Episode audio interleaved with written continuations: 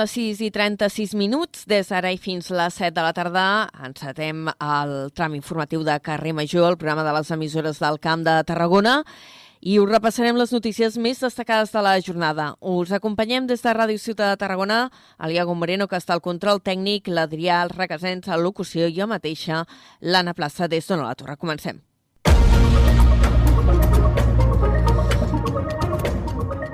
I avui la nostra notícia de portada és per una nova operació antidroga important al nostre territori. En aquest cas, els Mossos d'Esquadra han desmantellat una macroplantació de marihuana a Riu de Cols, al Baix Camp. Adrià Requesens, bona tarda. Bona tarda. En aquesta operació s'han detingut sis persones i decomissat 10.000 plantes de marihuana al Baix Camp. Des de BXC Ràdio ens ho amplia Miquel Llavaria. Els Mossos d'Esquadra detenen sis persones d'entre 19 i 25 anys i desmantellen una gran plantació de marihuana localitzada a prop de Riudecols. Cinc d'ells van ser atrapats infraganti com els responsables del cultiu i un sisè que conduïa una retroexcavadora i era l'encarregat de l'adequació del terreny. La detenció es va portar a terme passat dimarts 9 de maig després de dues setmanes d'investigació per la sospita de la presència d'una plantació de grans dimensions. En aquesta s'hi han acabat localitzant més de 9.700 plantes de diferents mides. L'espai comptava amb una sofisticada destacada infraestructura de cultiu on es va localitzar mànegues d'aigua, generadors elèctrics i 15 dipòsits d'aigua. Cinc d'ells passaran a disposició judicial davant del jutjat en funcions de guàrdia de Reus i el sisè ha quedat en llibertat a l'espera de ser requerit per l'autoritat judicial, acusats d'un presumpte delicte contra la salut pública. Gràcies, Miquel. Parlem ara d'educació, on situem a l'Institut Pere Martell de Tarragona, a l'antiga laboral, que comptarà amb un simulador per aprendre a conduir camions. N'hi haurà quatre més en altres centres de Catalunya per impulsar precisament la formació professional en transport de carreteres. El projecte l'ha presentat avui a Tarragona els consellers d'Educació Josep González Cambrai i de Territori Juli Fernando. Ha cobert la informació i ens la detalla l'Àlvaro Rodríguez des de Ràdio Ciutat de Tarragona. Els consellers d'Educació Josep González Cambrai i de Territori Juli Fernández han presentat aquest dijous un acord per impulsar la formació professional del sector de transport per carretera. Mitjançant aquest s'instal·laran cinc simuladors al país, el primer d'ells a l'Institut Pere Martell de Tarragona. Aquest permet emular diferents vehicles, condicions climàtiques i situacions, preparant a l'alumnat sense la necessitat de recórrer a les pràctiques en carretera. El conseller González Cambrai ha aprofitat la visita a Tarragona per treure pit de l'augment de places a FP i assegura que continuaran ampliant aquesta oferta. Haurem incrementat els dos anys més l'oferta que han fet pública pel curs vinent, haurem incrementat més l'oferta que els darrers 15 anys junts. I aquest any 2022-23, aquest curs, han entrat a la plaça sol·licitada un 97,5% de l'alumnat de quart d'ESO, un canvi absolutament paradigmàtic perquè fins ara era entre 60, estàvem entre 60 i un 65% d'accés. Aquest dijous, precisament sobre les places de grau pel curs vinent. El de transport per carretera en concret ha comptat amb 50 alumnes a tot el país aquest any i dona vida a un sector amb 110.000 treballadors a Catalunya. El Col·legi Oficial d'Infermers de Tarragona alerta que falten unes 2.000 infermeres a la demarcació. L'entitat manifesta que la ràtio d'infermeres està molt per sota del que hi ha de mitjana a la Unió Europea. I és que a Europa hi ha 8 professionals per cada 100.000 habitants i a Tarragona tot just n'hi ha 5 de mitjana. El col·legi alerta que aquest dèficit s'arrossega des de l'any 2008 i anticipa que s'agreujarà perquè en els propers 10 anys es jubilaran més de 700 professionals a tota la demarcació. Recollim també la demanda d'Unió de Pagesos que avui ha reclamat més facilitats per caçar cabirols al Camp de Tarragona i al Penedès. L'increment de les poblacions, aquest petit cèrvit, afecten greument les vinyes perquè se'n mengen els brots tendres. El sindicat agrari estima que en algunes finques els danys poden anar del 50 fins al 100%. En el cas del Camp de Tarragona, els problemes es concentren a les comarques de l'Alcamp, el Priorat i també de la Conca. Unió de Pagesos demana que es puguin caçar mascles i femelles de cabirols de setembre fins al març. Segons el Consell Territorial de Caça de Tarragona, l'any passat les captures d'aquests animals es van incrementar un 44% al territori, principalment a les comarques de la Conca i de l'Alcamp. I parlant encara d'agricultura o de qüestions relacionades amb el sector primari, el govern espanyol ha aprovat avui en un Consell de Ministres extraordinari ajudes directes de fins a 784 milions d'euros per als pagesos i ramaders afectats per la sequera. El decret llei recull mesures fiscals, financeres i socials per compensar el sector davant de les pèrdues. L'executiu espanyol ha defensat que es tracta d'un paquet d'ajudes sense precedents i el ministre d'Agricultura, Luis Planas, ha assegurat que prioritzaran el el diàleg amb els afectats i amb els governs de les comunitats autònomes més afectades per la sequera. Plana s'ha assegurat que les ajudes s'han pres quan tocava i que no s'han aprovat amb finalitats electorals. Por parte del Gobierno de España hemos tomado, como he dicho al principio y reitero ahora, las medidas en el momento y tiempo oportuno, incluidas las decisiones tan importantes que hemos adoptado en el día de hoy y las que hemos adoptado en el pasado y las que quizás tengamos que adoptar en un futuro eh, próximo. De les ajudes directes, 350 milions d'euros seran per al sector ramaders, càrnic i lleter, 270 per a l'agricultura i 5 milions d'euros per l'apicultura. A més, s'amplien les subvencions per a les assegurances agrícoles i s'amplia també el termini per demanar les ajudes de la PAC. I encara un altre acord que s'ha pres avui per part del govern espanyol i és que es prohibirà fer feines a l'aire lliure durant alertes per altes temperatures per evitar morts per cops de calor. Parlem d'altres qüestions. Ens referim ara al simulacre que s'ha fet avui a la central nuclear de Vandellós 2. Es tracta de l'exercici anual que s'hi fa per comprovar la coordinació i gestió en cas d'emergència. En aquest cas s'ha simulat un incident greu, un incendi amb deteriorament del nucli del reactor. En aquest simulacre hi han participat els treballadors de la pròpia planta, la subdelegació del govern, des d'on es coordina el Pla Penta, Protecció Civil i també el Consell de Seguretat Nuclear. Davant de l'escenari que es plantejava, el CSAN ha recomanat l'evacuació i preparació de profilaxi radiològica en un perímetre de 10 quilòmetres al voltant de la central, així com també el confinament i preparació de profilaxis de l'àrea entre 10 i 30 quilòmetres. Un accident d'aquestes característiques estaria classificat amb el nivell 3 3 en l'escala de successos nuclears, que en té 7 en total. I tancarem aquest primer bloc de l'informatiu apuntant, fent memòria que aquesta mitjanit arrenca la campanya electoral per a les eleccions municipals del 28 de maig. Durant les dues properes setmanes, els partits, a més de presentar el detall de les seves propostes, podran demanar el vot. La campanya acabarà a la mitjanit de divendres 26 de maig. L'endemà, dia 27, serà la jornada de reflexió i les votacions es faran diumenge 28. Analitzem breument com es presenten aquests comicis dels dos municipis més grans del nostre territori, a Tarragona i a Reus. A Tarragona, Esquerra Republicana confia en poder mantenir l'alcaldia de la ciutat estrenada tot just fa quatre anys i frenar el retorn del Partit dels Socialistes. El PSC, de fet, es presenta amb una candidatura força renovada que lidera per primera vegada l'exregidor de Ciutadans Rubén Viñuales, que pren el relleu de Josep Fèlix Ballesteros després de 20 anys.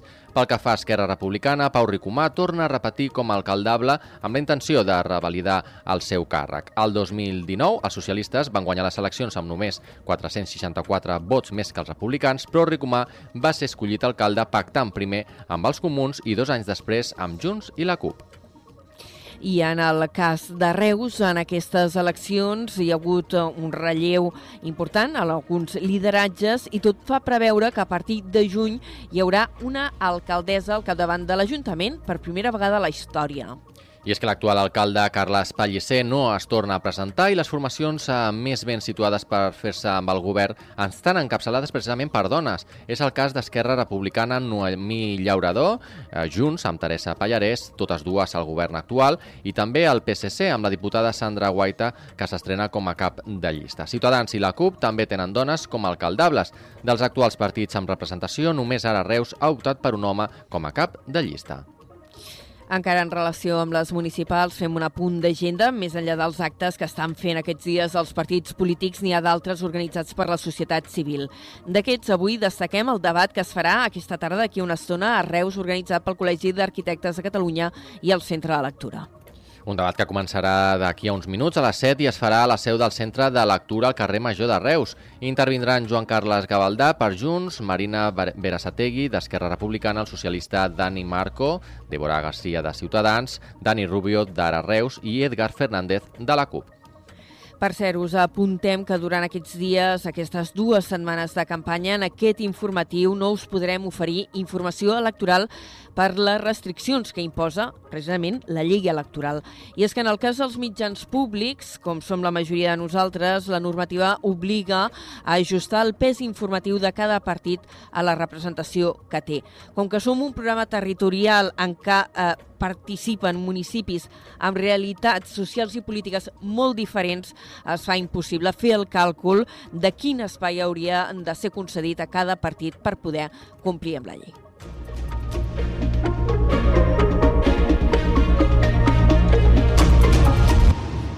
Passen dos minuts de tres quarts de set, obrim pàgina local referint-nos al projecte que ha escollit el Port de Tarragona per reordenar tot l'entorn de la seva seu institucional. Una de les novetats és que hi haurà una gran escalinata que connectarà el, llic, el dic de Llevant amb el moll de Costa.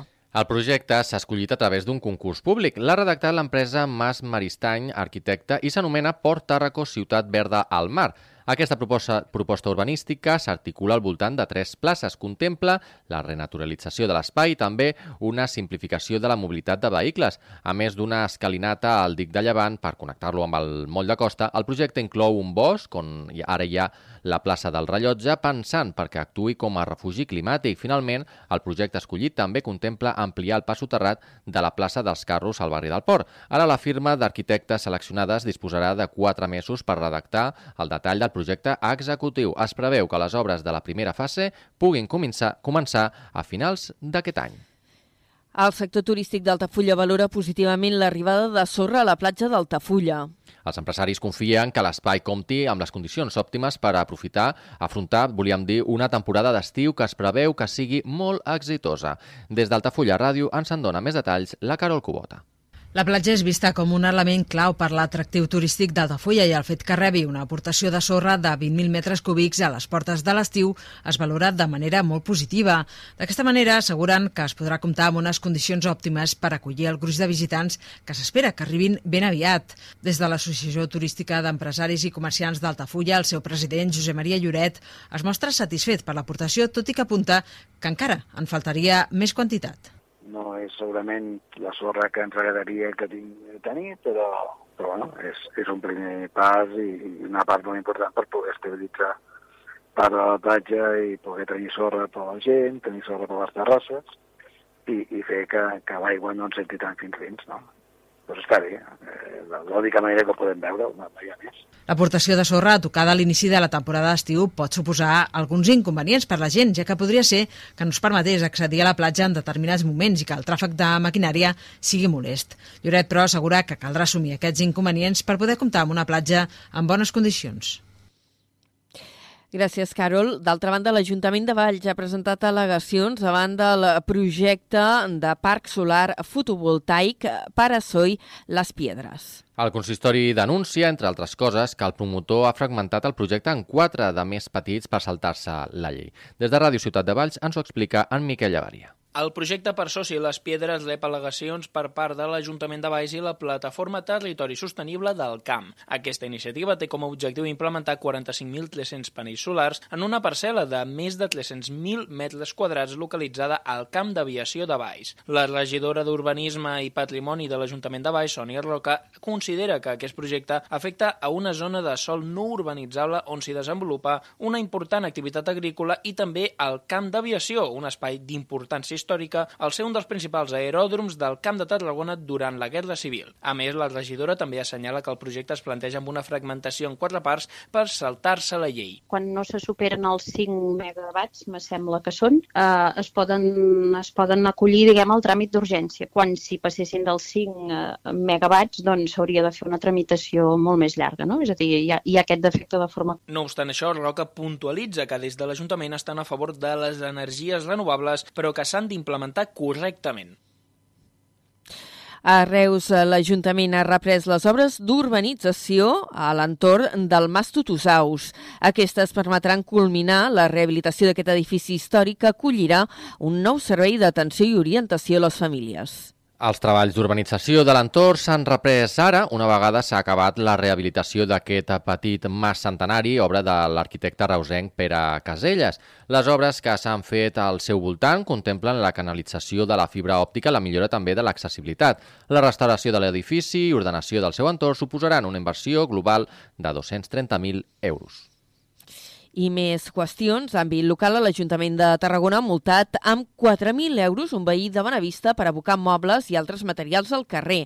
És el propietari d'un edifici pròxim d'aquest mateix barri de Bonavista que estava arreglant per poder canviar de llogater.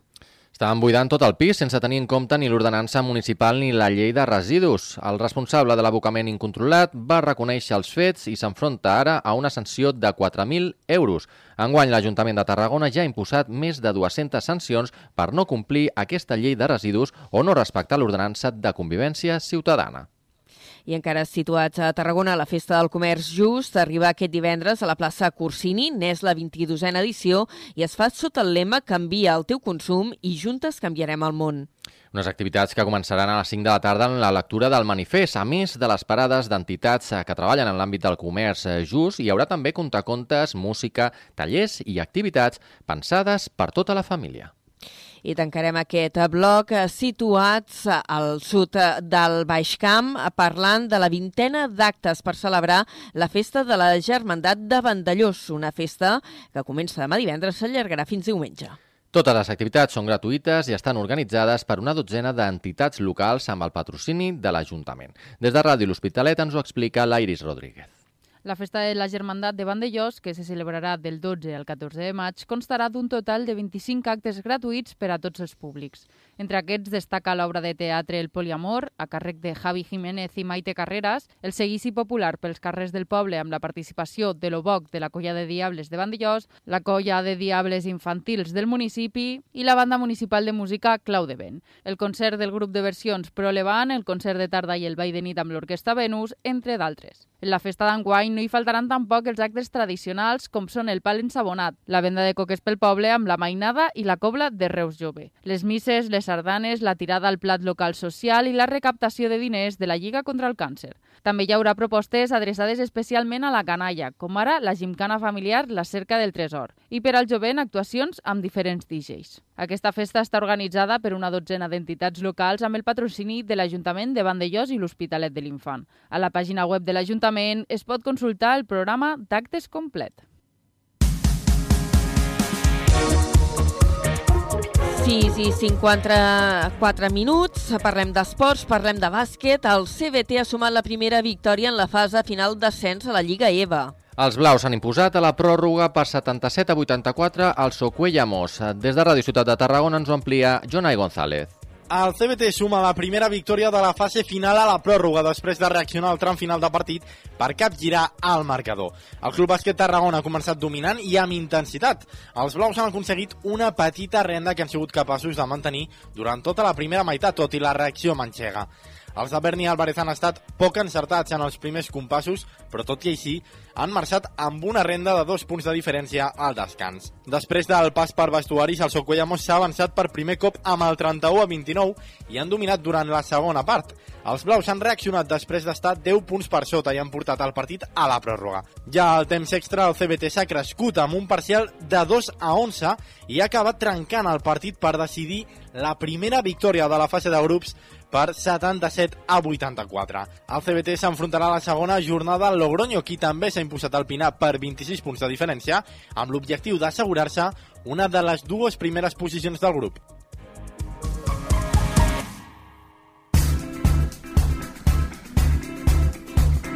Tram final per parlar de cultura, a banda del trapezi, hi en marxa altres festivals com el Dixieland i aquests dies també s'està presentant molta activitat que es farà aquest estiu. És el cas de la quinzena edició del Festival Roca Foradada que portarà enguany a Torredembarra quatre concerts per a les nits de dissabte, de juliol i agost. Una vegada més, el festival destaca pel seu caràcter eclèctic amb artistes de diferents estils i la voluntat d'arribar a un públic ben ampli. Des d'on a la torre ens ho explica Josep Sánchez.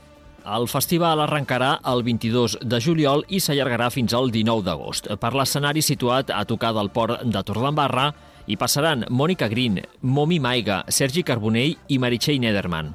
Aquest dijous s'ha donat a conèixer una programació que, segons ha apuntat la regidora de Cultura, Núria Batet, Destaca per la paritat entre veus femenines i masculines i també per l'aposta que es fa enguany per artistes que inicien la seva carrera en solitari. Tenim dos grups, dos grups eh, clarament femenins, com és la Mònica Green i Meritxell Nederman, i també apostem doncs, per això que també volem eh, agafar aquest paper com a festival públic, no? de llançament de nous projectes, eh, experimentació amb, amb, amb coses noves. Les entrades per als quatre concerts es podran podran comprar a través de la pàgina web de l'Ajuntament a partir de demà divendres al migdia. Es mantenen els preus de l'any passat amb 7 euros l'entrada general i 5 euros la reduïda.